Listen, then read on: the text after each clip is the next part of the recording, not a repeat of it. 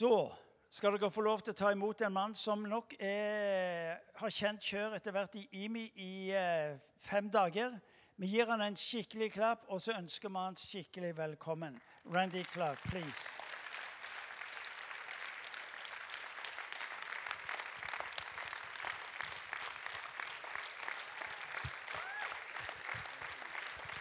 Høflig tilsier at alle reiser seg.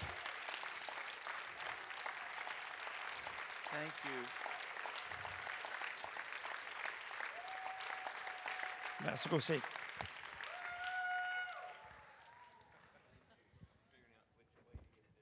On there. There it is. I've enjoyed my time here and am looking back forward to coming back in January of 2016 to sow into Norway and into Imikirken again. Uh, before I begin the message, I do need to make a commercial. I told my son I'd try to help him out. Um, if you would like to get um, 10 of the booklets that I had, the core message series, actually, there's 12 of them. It- also includes the baptism of the Holy Spirit, which tells about my own experiences with being filled with the Spirit and uh, the biblical basis of it and all. And also 15 MP3 files that you can listen to. Download it to your phone, to your iPad, whatever. Play it in your car. Keep it on your. It's much easier to carry that than 12 books and 15 CDs. You can take it all over the, take it on the plane rides, whatever. It looks like this, and out in the books near the bookstore at a round, big, high top, round, small, round table, you will find this. The reason it's small is he only has seven left. I told him if he could sell all that he brought, I would give him a $200 bonus. And he has really worked hard. As a matter of fact, he has sold about five times what we normally sell of these. I told him today, even if you weren't my son, I'd like I would hire you. now I, I want to help him out. I really do. One, I just love being gracious. I want my kids to see in their father what their heavenly father's like. A freely giver, a gracious person. So here's what I'm going to do. For the last eight of these that's out there, if you buy it, give him your email. I will give him my doctoral dissertation. It's been both in the academic form and the five little books that's a 60 to 100 pages each that uh, were the, I put 100 pages that they made me cut out of my doctoral dissertation of stories. I put them back in. the value of that is $50. It's what we sell it for.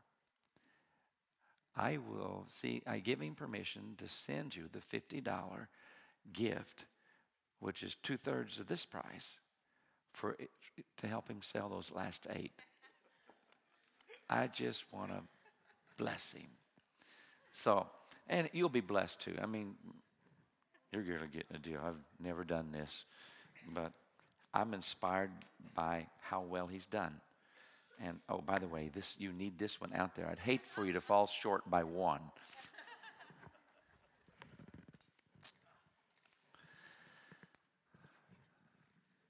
How many of you were not at the conference? Would you just lift your hand so I get an idea how many were not at the conference? Okay. Well, we missed you. Hopefully, we'll see you next year, get to know you a little better. Um, but this, this evening, I want to speak to you on the subject of two questions. It's the title of the message from Matthew 27.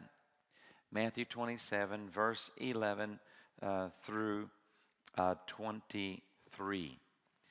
And tonight I'm choosing not to read the whole text as I did this morning. I just want to draw your attention to uh, verse 17, where Pontius Pilate asked the crowd that was gathered there in front of Jesus, Which one do you want me to release to you? Barabbas, who was a terrorist, or Jesus, who is called Christ? That's the first question. Which one do you want me to release to you? And then in the first part of verse 23, because they've already said they want to, they chose Barabbas, they want to have Jesus crucified. He asked the question, why? That's the question. Why? What crime has he committed? Why did Jesus have to be crucified? That's the focus of tonight's message. Because I believe if I can answer the second question, you'll make the right choice regarding the first question. I understand that many of you have already made that decision because uh, you have committed your life to Him. Uh, you have, you know that you're His because you're aware of His presence involved in your life. You're aware that God is not deaf nor dumb. He hears and He speaks. He leads us. He leads us in the still small voice. He leads us through His Word. He leads us through touching us. We know that we are His because we have experienced His Spirit. In Galatians chapter 2, Paul, in Galatians, I forget if it's chapter 2, uh, in Galatians 2, Galatians, Paul asked the question Did you receive the Spirit through the works of the law or by faith? Now, the question is not about whether or not they were filled with the Holy Spirit. It's not a question of whether or not they were baptized in the Spirit. It was a question of whether or not they had become a Christian. A New Testament scholar in America wrote a book on every reference in the New Testament to uh, the word Spirit, and uh, this was Dr. Gordon Fee. And it's a book about this thick, and it's called God's Empowering Presence. And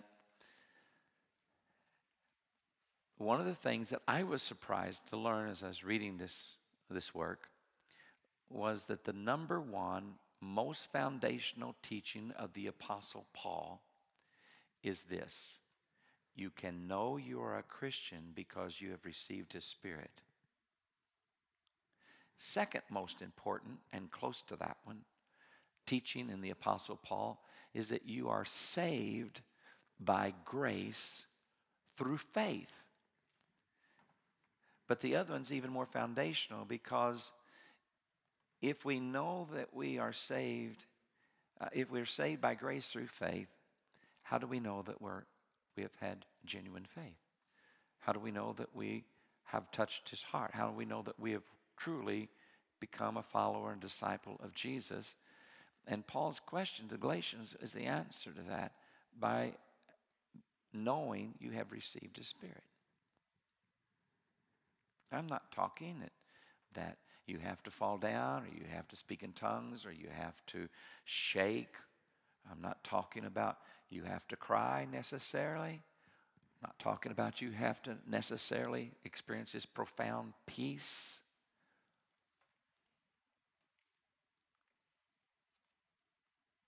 It can be all of those things or any of those things or more. But the bottom line is that Jesus said, My sheep hear my voice. Jesus was establishing a church of people who could be born of his spirit, filled with his spirit, led by his spirit, empowered by his spirit, directed by his spirit. So to know that you're a a Christian, a disciple of Jesus, the evidence that you've had the faith that lays hold. Because the faith that lays hold of salvation is not just a belief system, it's not just an agreement to uh, a biblical doctrine, it's not just belief in biblical truth. Even the demons believe and tremble. I know I believed my whole life. But I know there was a season, though I believed the truth about God, I didn't know God. There's things I know about Oma, uh, President Obama. I've read about it. I know things about him. To, and I, and I, I believe that those things are true. There's a huge difference between knowing about someone and knowing someone. I've never had Obama, President Obama, call me, speak to me, give me any direction, but I know about him. One time I did a conference. I raised $130,000 and did a conference in Moscow in 1995 or 6. And uh, coming back from the Izmailova Sports Center, where, or one of the universities where they trained their athletes, and uh, uh, this guy who was born under communism, had never been to church and never heard the gospel, was curious because our worship team had learned how to sing in Russian, had taken a year to learn to sing in Russian, and uh, could even flow freely in Russian. Um, they thought it was a rock and roll band because we had most of the band were professional musicians, some of whom uh, played uh, in Nashville, Tennessee, Music City, USA, for a living. Very uh, good quality musicians and Christians with a heart for God. And so they thought it was a rock concert. So they came, and as they listened, they began to hear wait, these words, this is not a rock and roll song. This is a Christian song. So his interest was piqued, and he walks with me the whole mile or more back to the Izmailova Hotel. Now, he has broken English. I have almost no Russian, a little bit, just enough to pray a little bit. I learned one word I never forgot because it's an interesting word. The word, one of the words for more. It was hard for me to forget this one. That's why it's stuck in my mind even to this day. The, the Russian word for more is bullshit.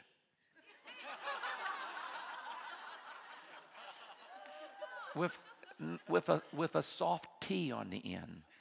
Bullshit. I, I remembered that for some reason. It stuck in my memory. Bullshit gospel. More, Lord. So I knew a little, a little Russian. He knew a little English. We're trying to communicate all the way back. Now, this guy is carrying quite a bit of the Russian currency in his hand. He has a fifth of vodka in his hand. You know what a fifth is? It's a bigger bottle of vodka, which is pretty much Russian currency. And uh, uh, he, you know, quite a bit of it's gone. So he's happy, and we're walking along, and he wants to know what does it mean to be a Christian, and how do you become a Christian? I'm trying to explain it but he doesn't get it. We get all the way to the hotel, and I'm thinking, God, you got to give me a word of wisdom or something. I don't know how to break through to this guy to where he can understand what I'm saying. And then I got a word of wisdom. You may not have thought it was a word of wisdom if you were a Pentecostal or holiness. Being a Lutheran, you could think it was a word of wisdom. I said, Do you believe that that vodka in that bottle can make you drunk? Da. he had much experience. I said, Do you believe that vodka in that bottle can make you drunk? Da. I said, Let me ask you that a question again. Do you believe that vodka in that bottle will make you drunk? He's getting frustrated. Da, which is yes. I said, I'm going to ask you that question one more time. Now listen. Listen carefully. Do you believe that vodka in the bottle can make you drunk? And he got it. He goes, Niet. And I said, Okay, you tell me what has to happen for that vodka to make you drunk. And he says, I got to get it out of the bottle and get it in me. And then the hook. I said, Sir, when the vodka in the bottle is in you, do you need anybody to tell you to take it by faith? Or is it self authenticating that it's in you? He said, Nobody has to tell me. I said, Why not? I feel its effect. And I said, Sir, in America, we call alcohol spirits. But there is a Holy Spirit, the presence of God Himself and if that vodka, when that vodka comes in you, nobody has to tell you because it's self authenticating. When you, by faith, receive and believe in Jesus, and He puts His Spirit in you, which makes you a Christian, nobody will have to tell you. It will be self authenticating. Now, I know that there are various traditions, and my tradition may be somewhat different from yours. And I used to think that if you couldn't name the place and the time when that happened, you weren't a Christian or weren't converted. But at 20 years old, I took my first full time church in a denomination that was different from mine, a denomination that had infant baptism and confirmation, and I was pastoring this uh, church. And, and I found out that though I could say, how many of you, they, they, that particular church didn't know what I meant when I said, Have you been born again? And I grew up thinking if you didn't know what that meant, you couldn't have the experience. I was naive. And I thank God for the privilege of pastoring in another tradition other than one I grew up in. And I learned that there were really true saints of God who loved Jesus so very much, who knew him and had relationship with him, but they couldn't tell me the day or the hour or the night or the time that they had had this experience. All they knew was that they knew him. And they don't remember exactly the moment that it happened. And I learned that too is valid and people can come to know God in this way. Because the issue really isn't whether you can point to the time and the hour, I can. But the issue is are you aware that He's in you?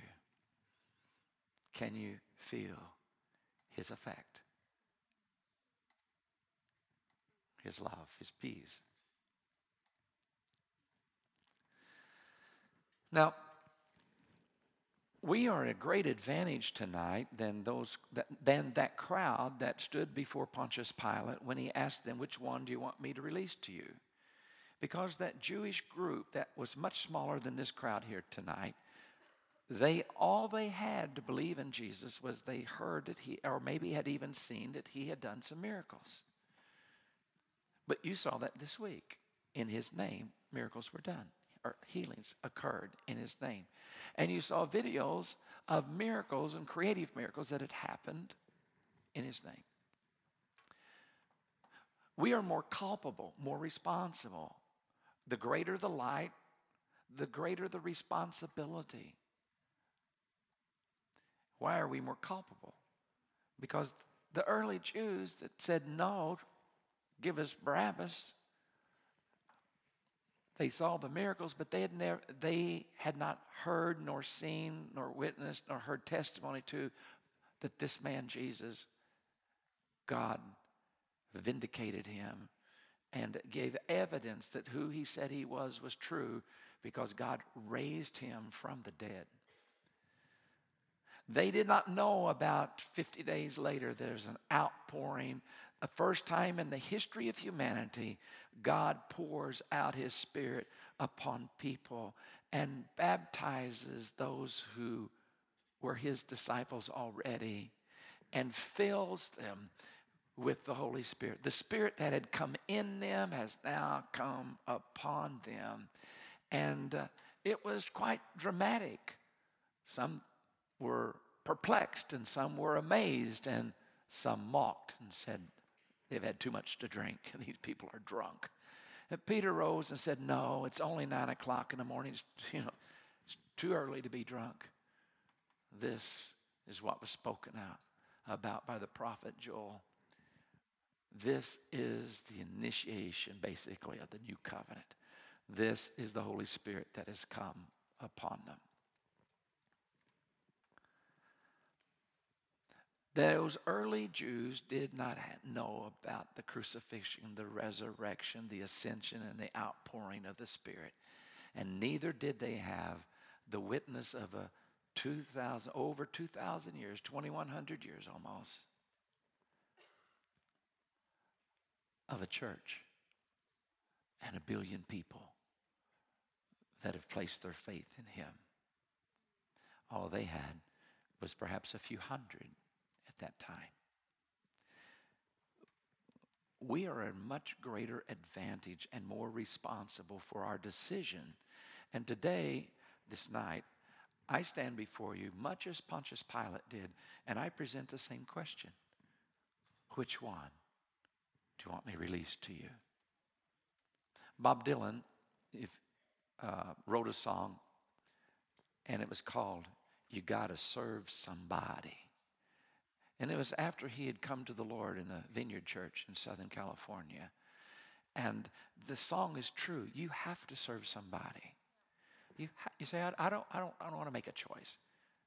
Anytime the Holy Spirit comes to you through reading the Word, preach, hearing of a sermon, and He knocks at your heart's door, you're making a choice. You either will accept Him or will reject Him. I hope and I pray that as I present the evidence of why he had to die tonight, those of you who have never truly been, never truly been regenerated by his spirit, you've been born again, been saved, been born from above, all biblical terms, that you'll want to be. Not only you'll want to be, because the desire to give your life to Jesus is not a fleshly desire. It's not a human desire because Paul taught us that our flesh will war against the spirit. So the desire to want to become a Christian is already the spirit at work in you. The Bible says we, you can't come to God except through Jesus, but you can't come to Jesus unless you are drawn. And the drawing is by the Holy Spirit. And he draws us by making us aware, convincing us that we have sinned, and convincing us that we need his righteousness, which means that we can't have his righteousness if we're holding on to self righteousness. And the Apostle Paul said that all of our righteousness is as filthy rags. He said, There's none righteous. No, not even one. All we like sheep have gone astray, as he was quoting the prophet Isaiah. We all need a Savior. I've had many people when I was younger come up to me and say, Oh, you Christians, all Jesus is to you is a crutch. I said, Yes, and every person I've ever met is a cripple. What's your crutch? Jesus is my crutch. He is the strength of my life. He is my helper by the Spirit. You got to serve someone. Joshua stood before the people of Israel many hundreds of years before this time and said, Choose you today who you'll serve. As for me and my house, we're going to serve the Lord. My daughter is a great, really good dancer. She has her own dance studio, 500 students a week, 500 training uh, units a week. My son in law is a great worship leader leads worship for a church of a couple of thousand, writes wonderful music. Um, I can't dance. I can't sing. I can't play an instrument. But I want my preaching to be my act of worship. That as I preach, that it would bring glory and honor to God and cause those of you who don't know Him to want to know Him and those of you who have committed your life to Him in the past but have gone back on that commitment, that you'd want to recommit tonight. And for those of you who may have made a commitment, but you've deeply compromised your walk with God and find yourself not bearing a very good witness to Him. And maybe if you're playing the role of wearing the mask, which, from which we get the word hypocrite, that you may be one of the reasons why others who don't know God don't want to know Him because they see the double standard in your life. I'm at the end of uh, this message. There will be an invitation. If God chooses tonight to take this message and touch your heart, draw you convict you. See, the Holy Spirit's job is to convince of sin, as I said, and of righteousness. And I didn't get to the third one, and a judgment to come, to make us aware that we shall all stand before God. and make us aware that in Christ there is eternal life. And there is no eternal life outside of Christ. You say, well, I'm not concerned about that. That's just maybe because you're really young. I remember being 18 when I re- rededicated my life to God. I thought 30 was being old. Now I'm 63. My grandparents are already in heaven on both sides. It won't be long before my mom and dad are there. 82 and 81.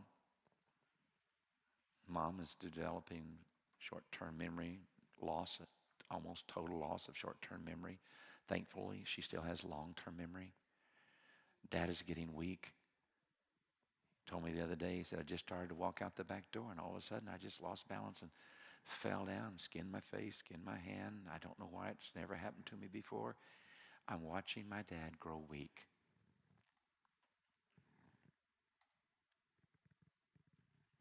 Won't be long. They're going to be on the other side. But because of Jesus Christ and what he did, when I stand at their grave, I know it's not the end. I know that he's only 20 years older than me and mom's only 18 years older than me. I will see them again. And I have the assurance because all of my children and all their wives and husbands have also accepted Jesus that there will be no separation in my family. I don't know how much you're willing to pay to extend the life of your parents or your children if they were dying, but it doesn't cost you anything to gain eternity with them. Just be in Christ. Truly be born from His Spirit. That's why it's important. Heaven may not be that real to you, but when I was six years old, my mother was taken to heaven. Her body, spirit left her body. When I was at college, I interviewed the two men who were present when it happened. There was no pulse, there was no sign of life. But just a few minutes in heaven, when she came back, I was six, my brother was four, my sister was three. Just a few minutes in heaven, for the next many days, my mother would walk through the house almost in a daze, muttering, It's so beautiful. It's so peaceful. It's so wonderful. I don't want to stay here. I want to go back. It freaked my dad out because, you know, you know, he's working two jobs and got three little kids. And mom took us, because dad was working evening shift, mom took us to church every night that she could find anywhere around that there was a place for church. And she told me later, I just wanted to get back into that presence. I heard that story when I was six years old. I have never feared death because I know it is so wonderful what God has for us that a young mother in her 20s with three little kids loses track. It's so wonderful. She just wants to go back. How wonderful. How great a salvation God has for us that we should not neglect it. The God that made the universe will visit us as we preach the gospel. The Holy Spirit will draw. John says in 1 John, I mean, Gospel of John, chapter 1, verse 12, that we can't just decide one day or will of our own will to become a Christian. It, it's not because we're, our parents are Christian that makes us Christians, not by blood nor of the will, but it's of God. So to become a Christian, it, it really is a supernatural thing. It's not a rite of passage of a culture. It's a supernatural event to become a Christian because it is the work of God. It's a miracle. God draws us. John Wesley, the founder of Methodism, called it prevenient grace. It's that when the preaching is being preached and people don't know God, that's like, as Paul said, they're dead in their sins. And all of a sudden, they are awakened. This awakened means they become aware that they need God. They need, they need God. They are sinners. They, they do need forgiveness. They, they do need to be born from above.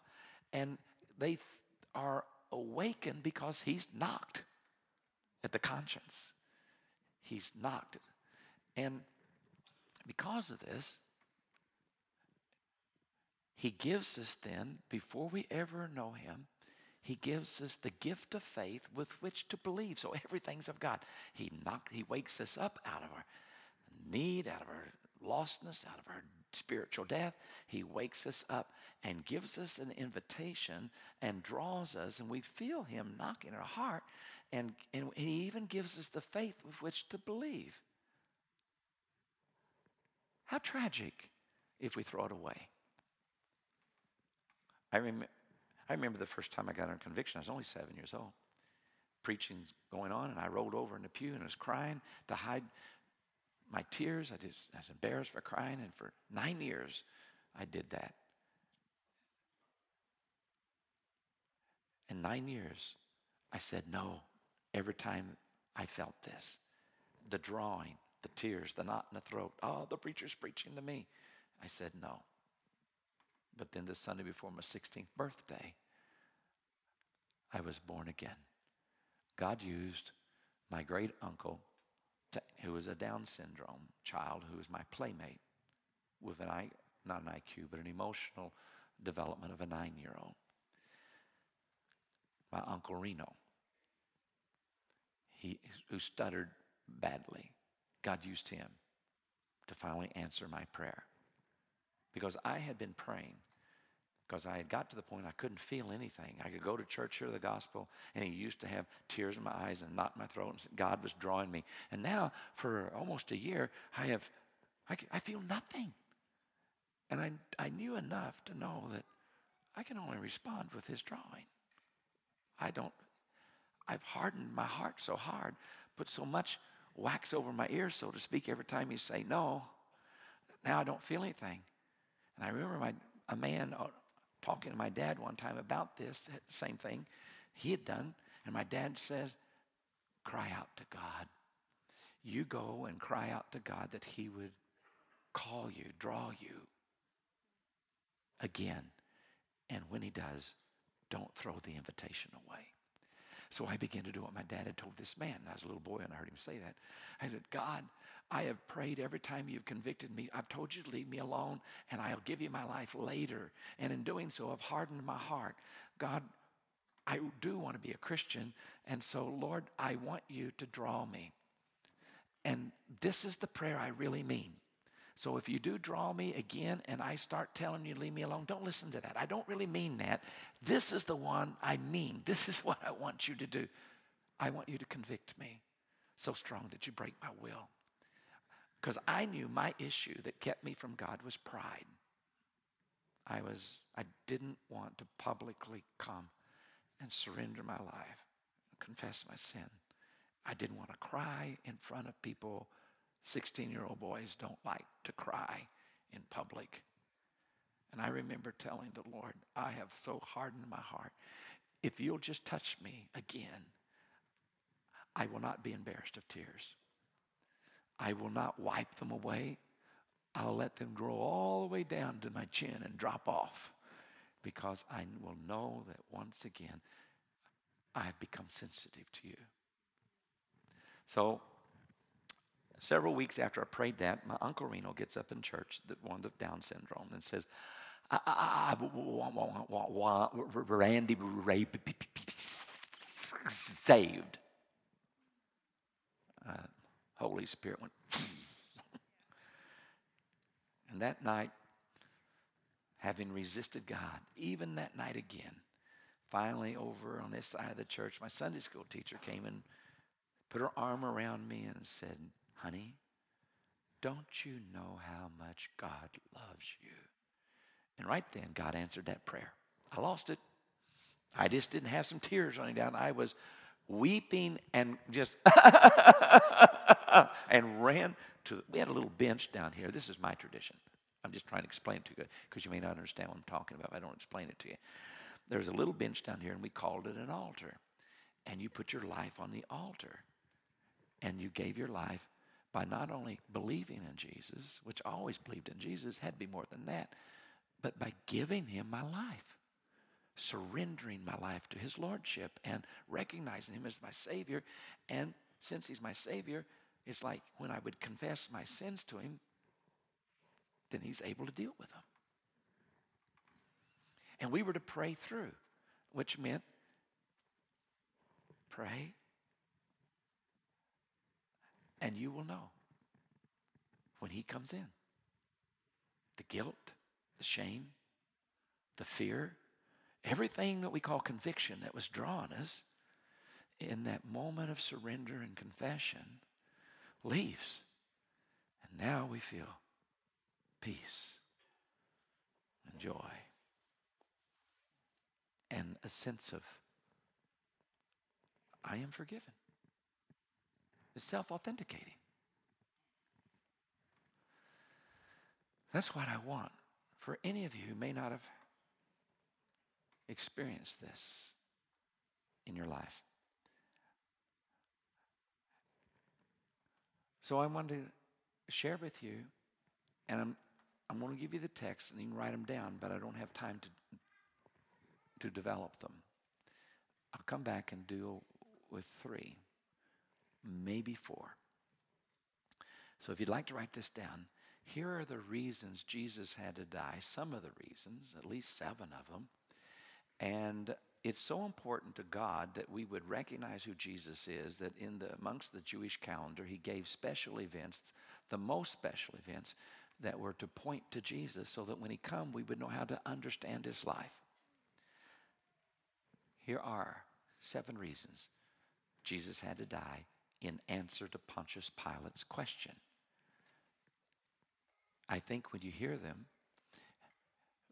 when you have to make a decision tonight, it won't be that hard to pick the Barabbas, a terrorist who's a type of the devil, the one who comes to steal, kill, and destroy, who's the accuser of the brethren, who's the deceiver as my friend Leif Hetland says, there's nothing so deceiving as deception. And his name means deceiver. Why did Jesus have to die? He had to, he had to die that, he, that the power of God could come to deliver us from our addictions, our compulsions, and from our sin, and from the power of sin over us and for those who may even be demonized. Jesus had that uh, Passover, Exodus 12 is the type. I don't have time to go into it except Jesus is the lamb whose blood was put on the doorpost that we could be saved. Jesus was also, it was his body that said, Now eat his flesh. And when they did, there wasn't one sick person among them when two million of them would leave the next morning. So in Jesus was not only forgiveness of sin, but healing of the body. Jesus, and through what he did, he delivered the Israel people, Israeli people, Hebrew children from Egypt, the most powerful empire of the day, and they were slaves. And he can do the just as miraculous thing for you. Jesus had to die so that we could be forgiven of our sins. Jesus, and that's Leviticus 16, Day of Atonement. Jesus is both the goat that was slain, the, the scapegoat that they took away, bearing away the sins of the people, both of them justification, sanctification, but he's also the high priest who now intercedes for us, according to Hebrews.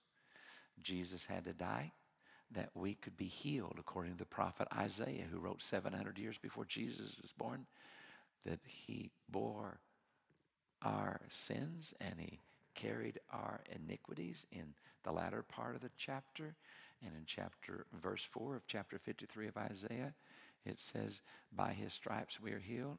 It says, He bore our sicknesses and carried our sorrows or our infirmities. And in the Septuagint version, the Greek version of the Old Testament, at the time of Jesus was alive, the Septuagint version was there.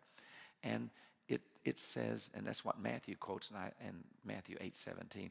This was to fulfill that which is spoken by the prophet Isaiah after he had just healed a bunch of people. Matthew says, This is fulfilled what's spoken by prophet Isaiah. He bore our sicknesses and carried our diseases. From the passage which says following, and by his stripes we are healed. The apostle Peter said, and uh, changes the tense. He says, and by his stripes we were healed, just as we were forgiven at the cross. So I got good news. Here's the good news God loves you. You have great value to him. You have so much value to him that he would send his own son to die, to redeem you. At the cross, the work is already done. You're already forgiven. You can't do anything to earn it or deserve it. He's already done the work for you.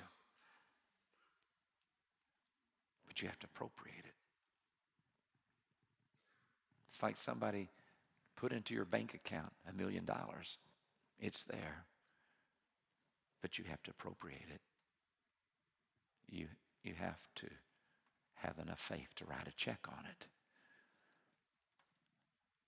We can have, I want you to have faith that God will forgive you no matter what because of, of this cross.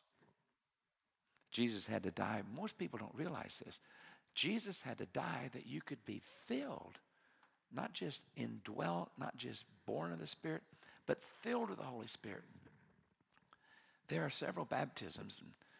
The writer of Hebrews, some think it was Barnabas, we don't really know who wrote Hebrews. In chapter 6, he was talking about the um, going to go into more mature things, not laying again the elementary teachings. And then he lists these elementary teachings and their repentance from acts that lead to death, which says there really is consequences for these acts that lead to death, these sins. We really do need a Savior. So we need to repent. We need to realize we need to turn from these things. We need to think differently about this lifestyle. Secondly, faith in God. It's really neat because God will give you the faith. He will supply the faith. But will you exercise it? But third, the doctrine of baptisms, plural, not singular. 1 Corinthians 12, 13. For by one Spirit we have all been baptized into the one body, whether Jew or Greek, bond or free. That's conversion. That's becoming a Christian. That's what makes us Christian. This Spirit, by the Spirit, we're put into Jesus.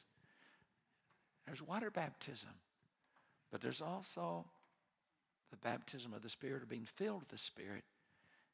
Because in this first one, 1 Corinthians 12 13, it's the Spirit that puts us into Jesus. But then, Jesus in this latter, He overwhelms us.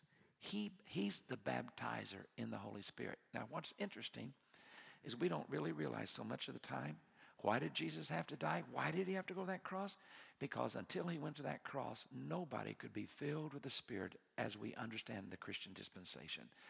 It was not possible. The Spirit would come upon people and leave.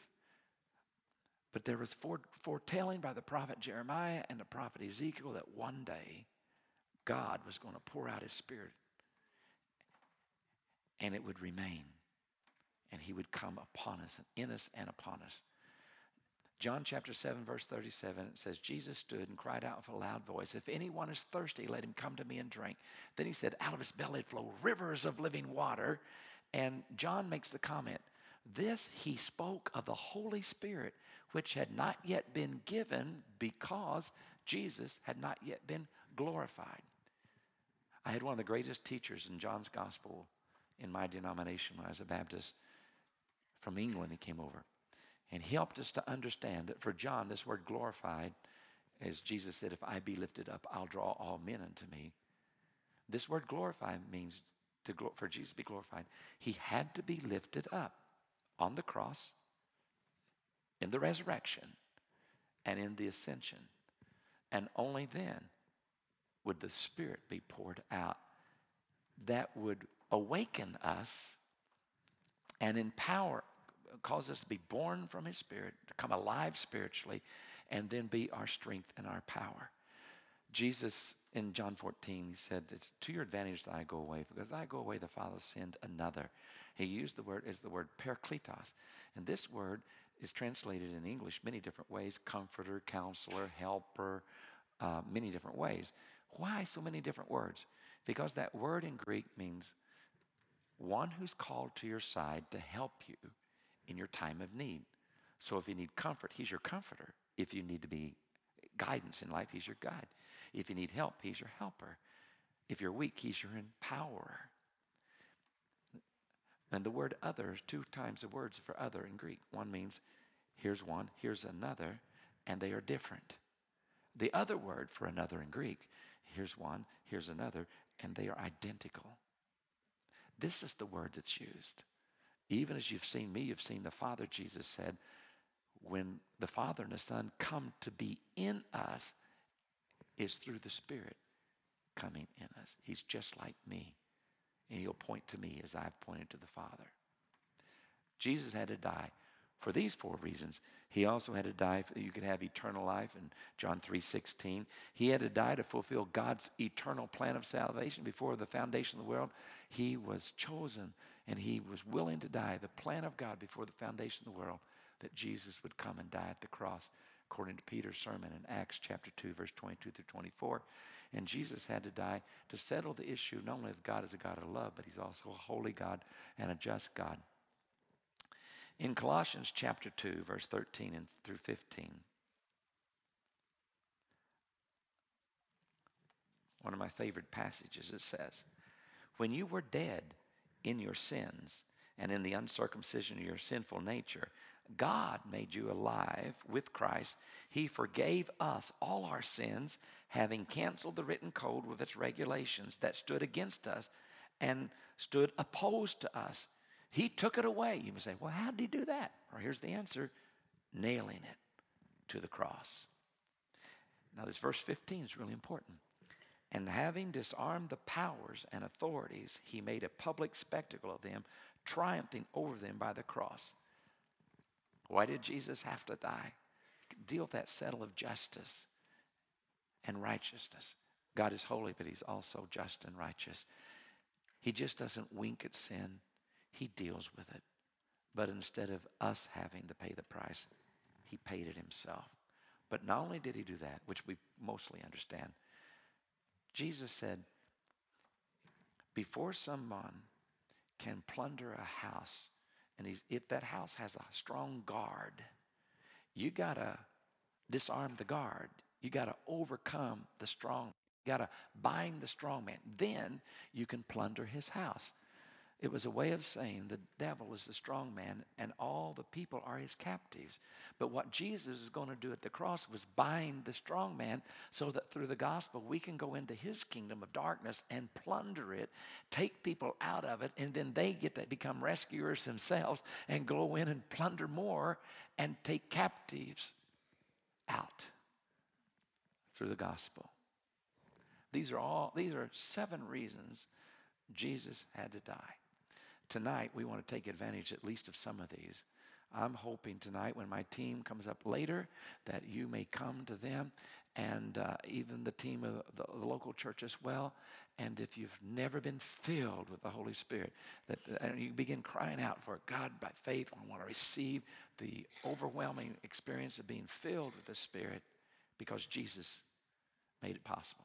How do we receive that? By faith. How do we receive salvation? By faith. How do we receive healing? By faith. Everything is by faith.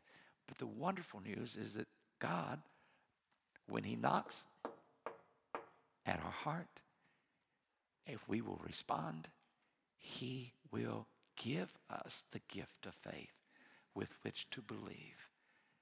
And when you've had that gift of faith and exercised that gift of faith,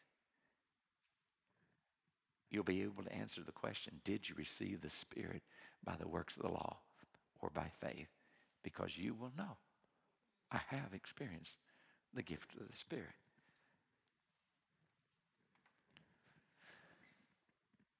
In 1984, having been a pastor for 14 years, I was desperate to be experience the power of God coming upon me, not just within me. And I'd read biographies of great men of God who talked about God coming so strongly that they cried out, God, stay your hand lest you slay me. I can't stand anymore. the famous evangelist D.L. Moody in my country. Finney, another famous evangelist of the 19th century, said, I perceive if these waves of liquid love and these waves of electricity would have continued to come over me, I would have died. And I would read those things and say, God, I have never experienced anything like that. God, I was untimely born. I should have been born in the 1700s or the 1800s. I would have loved to have been born in the time of revival. God, I don't want to live in this time when the church is in declension. I would like to experience it, what it would feel like to, for your power to come so strong that we feel like you're going to kill us. God, let me see that. And I'd cried for years. And when Blaine Cook came to my church, God answered that prayer. And all heaven broke loose in my church. And I myself, for the first time, after having been a pastor for 14 years and a Christian for 16 years, and even had the, a prayer language, could speak in tongues, I had never been baptized in the Holy Spirit. And that day, the power of God came on me, and I shook with just electricity going through my body to the point that the next day all my joints ached from the power, electrical power that went through my body. On that same night, a man who was a civil engineer who God powerfully touched, who had been one of the worst Christians in my church, uh, but God chose him by grace to anoint him, and he became one of the most gifted persons in the church, all by grace. At one point, for those of you who was at the conference, it was the same guy that's going, "Help me, Randy! Help me, Randy!" It's that guy. he's up by the pulpit. He's got his hand up like these tears. He's, he was so, so proud too. But God's reduced him. God has touched him, and he's this, this proud man, the richest guy in my church. He's crying, he's shaking, he's by the pulpit. And I know he didn't, he had never read any of these stories, these biographies of these men who were the power of God so strong that they feared death itself. Even as Heidi Baker said, Lord, you're going to kill me, was the power was going through. And he heard her, she heard him say, Good, I need you dead so I can use you. But anyway, my, my friend is standing there and he's shaking. And I'm 32 years old, and I've been wanting this ever since I first read about it. I wanted to see this happen in my church. I wanted to happen to me, I want it to happen to others. And he's standing there and he's crying, tears are running down his face, and he says, Oh God, I can't stand anymore. You're going to kill me. And I'm standing right there. I said, Yes, God, I am in revival. I am seeing what I read about that you did a hundred years ago. It's happening again in my day. Thank you, God. I am privileged to see somebody be so touched of God like that. I was so excited. And after that, I mean, even to this day, 31 years later, that guy will send me a text on the anniversary of that night saying, Happy anniversary. 30 years ago or 31 years ago today, you and I, our lives were radically changed by this blessed Holy Spirit who was poured out because of the why he had to die. When I was 18 years old, I was almost killed in a car accident. All the bones in my face were pretty much fractured, really bad here. The jaw was fractured, going to have to be set. Piece of bone out of my eye, uh, eyebrow was gone. My forehead was like a washboard. You could just feel the cracks across it. And three places in my head, the size of a quarter, was crushed.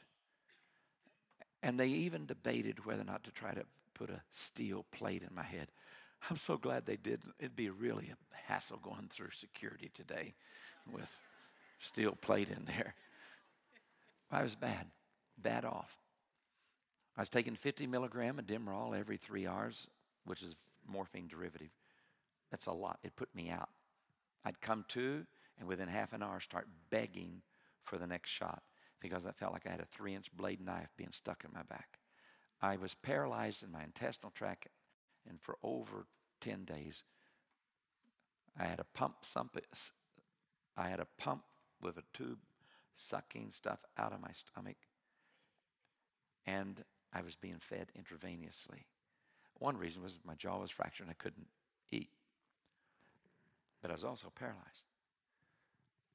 My church prayed for me My youth group prayed for me. The doctor came in to set my jaw. He said, Put your teeth together. Do it again. Do it again. Do it again. He said, I don't understand it. I have your x ray upstairs. I came here to set your jaw. It's already set. They were going to have to send me to a large hospital to see if they could do anything to get the paralysis of my digestive system turned around. My youth group, teenagers, prayed. And the next day, when they examined me, my digestive system was working and they pulled the tube out. A couple of days later, I'm lying in bed. My injuries were so bad that after you've had a major spinal injury, you may not be paralyzed at first, but if, your, uh, if your spine swells, it can cause you to become paralyzed. And so it's so serious that I couldn't even have a pillow. They said, if you need to move, punch this button. We'll get three nurses to come in, shoulders, hip, and knees, and we'll make sure you don't, you can't move your back, bend your back. Not even a pillow. During that time, I had been backslidden up to four days before the accident. I had been backslidden. I'll tell you about it in a moment. And so I was in such a bad spiritual state, though I was in church three times a week. I had used my Bible they'd gra- given me at graduation from high school just a few months before. That summer, I would hide the papers to roll the joints in my Bible. That's where I was at until four days before. You see, I knew God healed. He healed my grandmother. She told me the story when I was five years old. She couldn't read or write, but she heard God speak to her, and she had a big knot in her throat. The Lord said, Go in the other bedroom, and I'll heal you. She took three steps to the other bedroom. She began to pray, and she told me as I was five year old, a hot hand went down my throat, it felt like, and it instantly disappeared. I just seen my Sunday school teacher healed. I, I, but I believed God at 18 years old. I believed God would heal you if you're really, really, really saintly, like my grandmother, who couldn't read or write, but she just worshiped God all day, and my Sunday school teacher. I had no expectation he'd heal someone who just four days before had been such a bad witness for Christ, had been one of the worst hypocrites you could find, who was stoned every day for 11 months while he's in church three times a week. Being in church doesn't mean you're right with God. Even this week, I had people ask for prayer and then tell me things in their life that I knew were serious sins. And yet I still prayed that God would heal them, believing His goodness would bring them to repentance. But I found out that God would even heal someone so undeserving myself. I truly was a prodigal that had just come back. I'm so thankful for that verse that says, even if our hearts condemn us, God is greater than our hearts. I found out it's much easier for God to forgive me than for me to forgive myself. But we got to make a distinction between His forgiveness and our own forgiveness. We got to make a distinction between His conviction and our self condemnation. Part of being able forgive myself is just telling Him over and over and over, I know you've forgiven me, but it makes me feel better just to tell you one more time how sorry I am for what I did. So I'm laying in the hospital.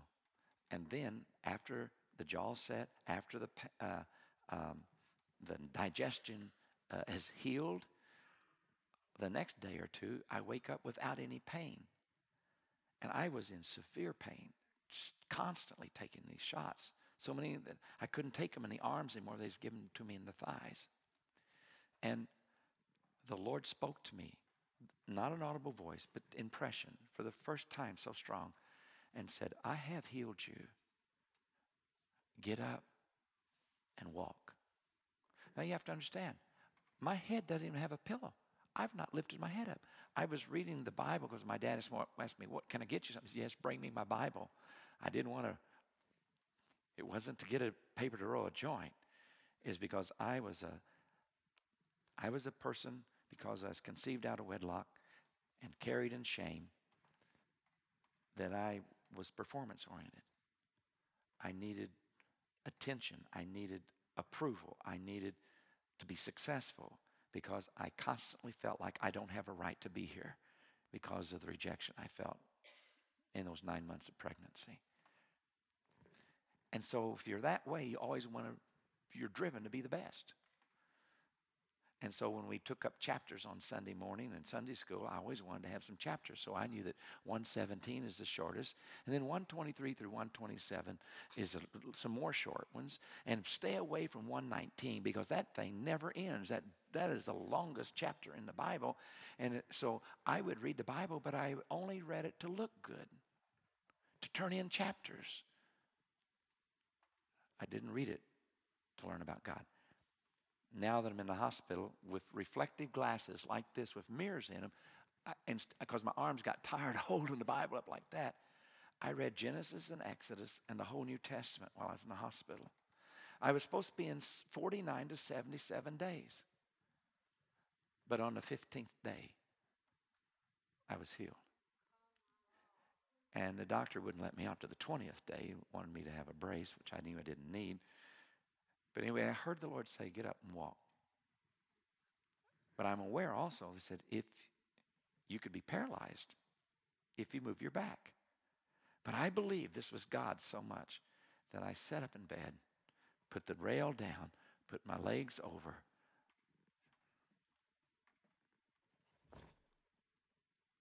Closed the air conditioning vent in the back and walked out into the hall. And the nurses freaked out because they knew I'm not even supposed to move, not even supposed to have my head off the pillow. And I was healed. The doctor told me when the day I went home, said, You go home and go to bed. I said, I'm not going to bed. I'm going to church. Because you didn't get me out of here. Jesus did. And I'm going to go tell my friends what Jesus has done for me. And a revival broke out the next week. And almost every student in the high school came to the church. And hundreds of students from three other high schools of different counties drove because of the revival.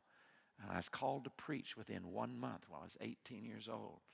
I've been I felt like the Lord said, Who's going to preach to your generation? Every preacher you know is an old man over 30.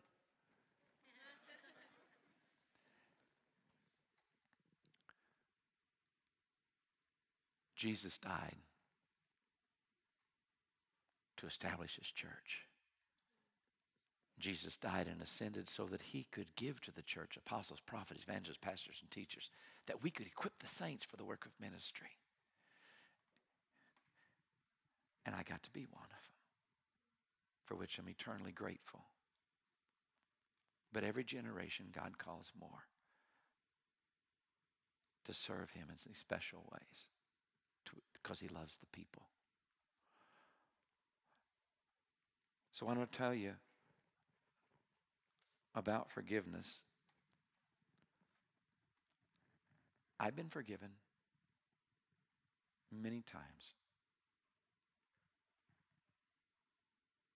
Right after being backslid, a prodigal, a hypocrite, God healed me and called me to preach. But the day I was hurt, the day I almost was killed.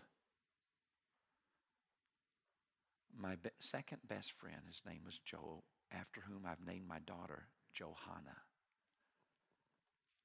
And my cousin, who is my best friend, he's in the back seat. Joel's in the bucket seat on my right. Some of you may not know what the, some of you may be old enough to know what a muscle car is.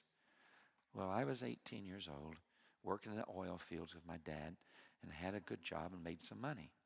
So I owned a brand new Chevelle Super Sport, 1970 Chevelle Super Sport, 396, 350 horse, Positraction, 15 inch slicks on the back. A muscle car. 18 year olds should not own those. I'm coming home from school. My cousin in the back's mad at me because I had bought the drugs because I was the only one who had a job. And I gave them to the youth pastor and said, get rid of them, flush them down the toilet. And so my cousin's mad at me. And he said, in high school, they called me by my last name. Clark, do you know if we, if we had a wreck right now, you'd die and go to hell? And Joe, my Catholic friend, who had by himself two nights before he was with me, and he's, he knew I'd rededicated my life. He said this to me Randy, I admire what you have done. I really look up to you because you were a big hypocrite. But you've made it right. I intend to do the same thing. Right now, I'm too young. I got too many wild oats I want to sow. But when I get older, when I get 30, I'm going to quit getting drunk every day and stoned every night or vice versa. He's from an alcoholic family. Joe had good intentions that in the future he would give his life to God. So we're going home. My friend says that we had a wreck right now. You'd die and go to hell. Joe says, Yep, that's right, Clark. You would. And I look him right in the eye, my second best friend, and said, No, I wouldn't, Joe. But what about you? Within five minutes, another friend passing me loses control of his car, slams into mine, knocks me off the road. I go from here to that candle and hit a concrete culvert. Joe's thrown through the windshield instantly, neck is broken and died instantly.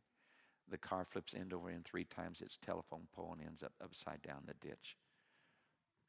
After I got out of the hospital, after I was healed, for one year, when I came home from college, 100 um, over a 100 mile drive every week, because I was working as assistant pastor at this church now, after I was called ministry, I would go to Joe's grave. I'd sit by his grave. I wasn't talking to the dead, I was doing therapy guilt therapy. And I would just say, Joe, I'm so sorry. That night, you were so close to the kingdom. You were one to do what I did. I didn't seize the moment. I didn't tell you about Jesus. Forgive me. I don't want to be guilty of your blood and for your soul. I want to tell you why Jesus had to die. And now that you know, as I present him to you, like Pontius Pilate, who do you want? I want to close with reading one text. And I, in Galatians chapter 5, If you choose to reject Jesus, you automatically choose the Barabbas, the one who comes to steal, kill, destroy, to accuse you, to deceive you, to destroy you. He's even called the destroyer in the book of Revelation. He said, Well, I never cho- chose him in the rejection of Jesus. That's the only other option. This is the fruit when he's master. The acts of the sinful nature are obvious sexual immorality. Even though culture may say it's okay to have sex outside of marriage, your culture or European culture or American culture doesn't make it right. Sex is reserved for marriage. sexual immorality, impurity, debauchery, I getting drunk a lot, idolatry and witchcraft, hatred, discord, jealousy, fits of rage, selfish ambition, dissension, factions, envy, drunkenness, orgies, and the like. I warn you, as I did before, that those who live like this will not inherit the kingdom of God. So that's one choice. How would you like that? Or you can have this but the gift of the Spirit, Spirit of God in you conversion.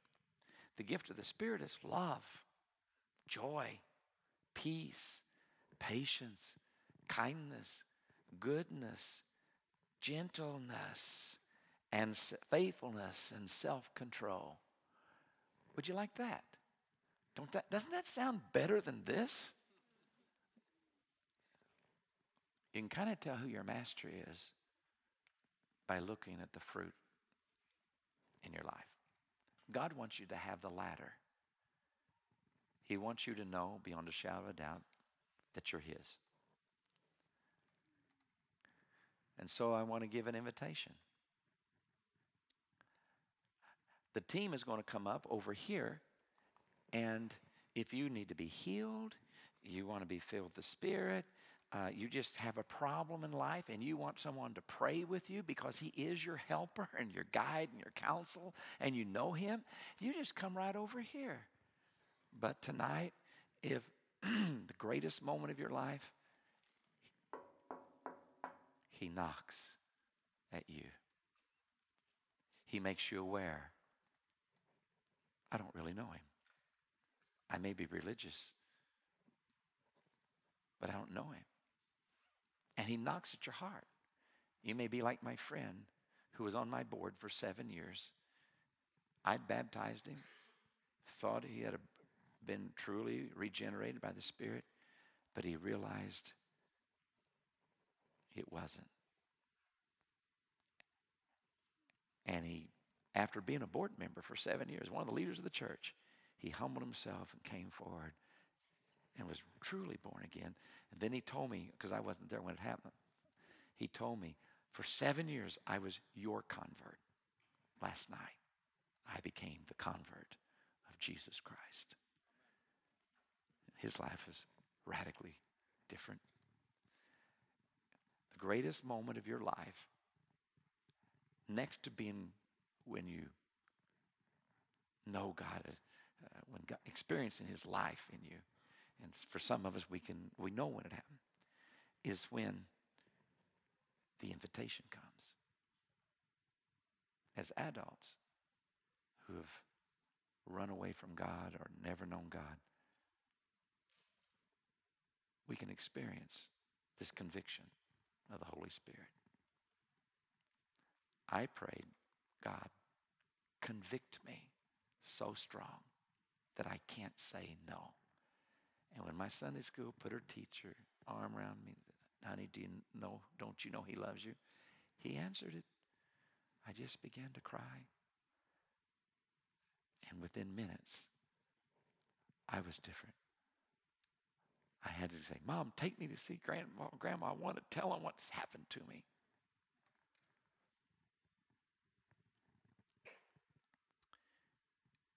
If in the past you were close to God. But you took a detour. You're still in church. I was still in church. But that intimacy with God, that peace with God, was that fellowship with God was disrupted by my sinful life. I needed to rededicate. So whether you need to accept him for the first time, and it's not New Year's, New Year's resolution, it's regeneration by the Holy Spirit.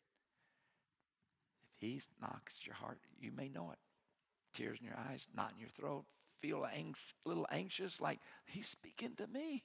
No, I'm not speaking to anybody. But if God touches your heart and you feel like I am, that's one of the ways he knocks. Ask that you would come. Let us pray with you and lead you in a prayer to commit your life to God and to confess your sin, especially things you feel the most regret about and shame about, guilty about. Unburden yourself. Let Him lift it off of you. If you're backslidden, come back to God. If you're a hypocrite, it's be, not because you want to be. Nobody chooses really to be a hypocrite. We just need more power to live the holy life. And we can get it by just acknowledging, God, I've, I'm sorry. I, I failed you. My life, I'm living the way I shouldn't be bringing shame to you instead of bringing glory to you. I want not only forgiveness, but empower me that I can live in a way that brings glory and honor to you. Would you stand?